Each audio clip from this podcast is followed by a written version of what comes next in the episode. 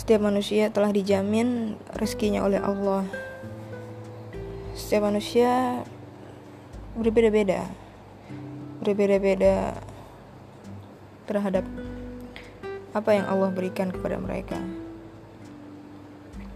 Maka tidak sepantasnya jika kita membanding-bandingkan apa yang kita dapatkan dengan apa yang kita dapatkan apa yang didapatkan oleh orang lain. Karena ya masing-masing orang itu berbeda.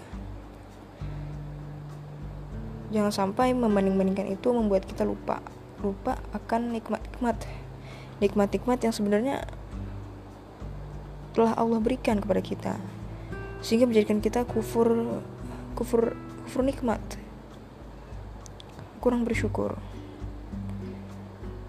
Atau bahkan jika mulai muncul penyakit-penyakit hati seperti dengki dan iri terhadap apa yang diterima atau yang didapatkan oleh orang lain. Maka sudah sebatasnya kita merenungi kita berkontemplasi apa yang salah dengan apa yang kita pikirkan. Apa sih yang salah yang terlintas dalam pikiran kita yang yang terlintas dalam hati kita?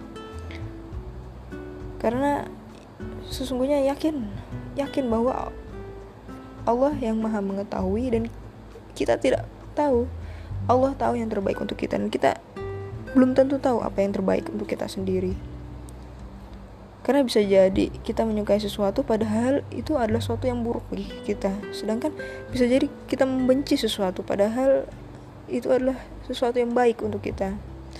Dan sungguh hanya Allah yang mengetahui mana yang terbaik untuk kita. Sehingga serahkan saja keputusan-keputusan kepada Allah kita tetap berusaha maksimal tapi kemudian kita serahkan keputusan hasil akhirnya kepada Allah Ta'ala. Karena Allah lah yang mengetahui yang maha mengetahui apa yang terbaik dan apa yang buruk buat kita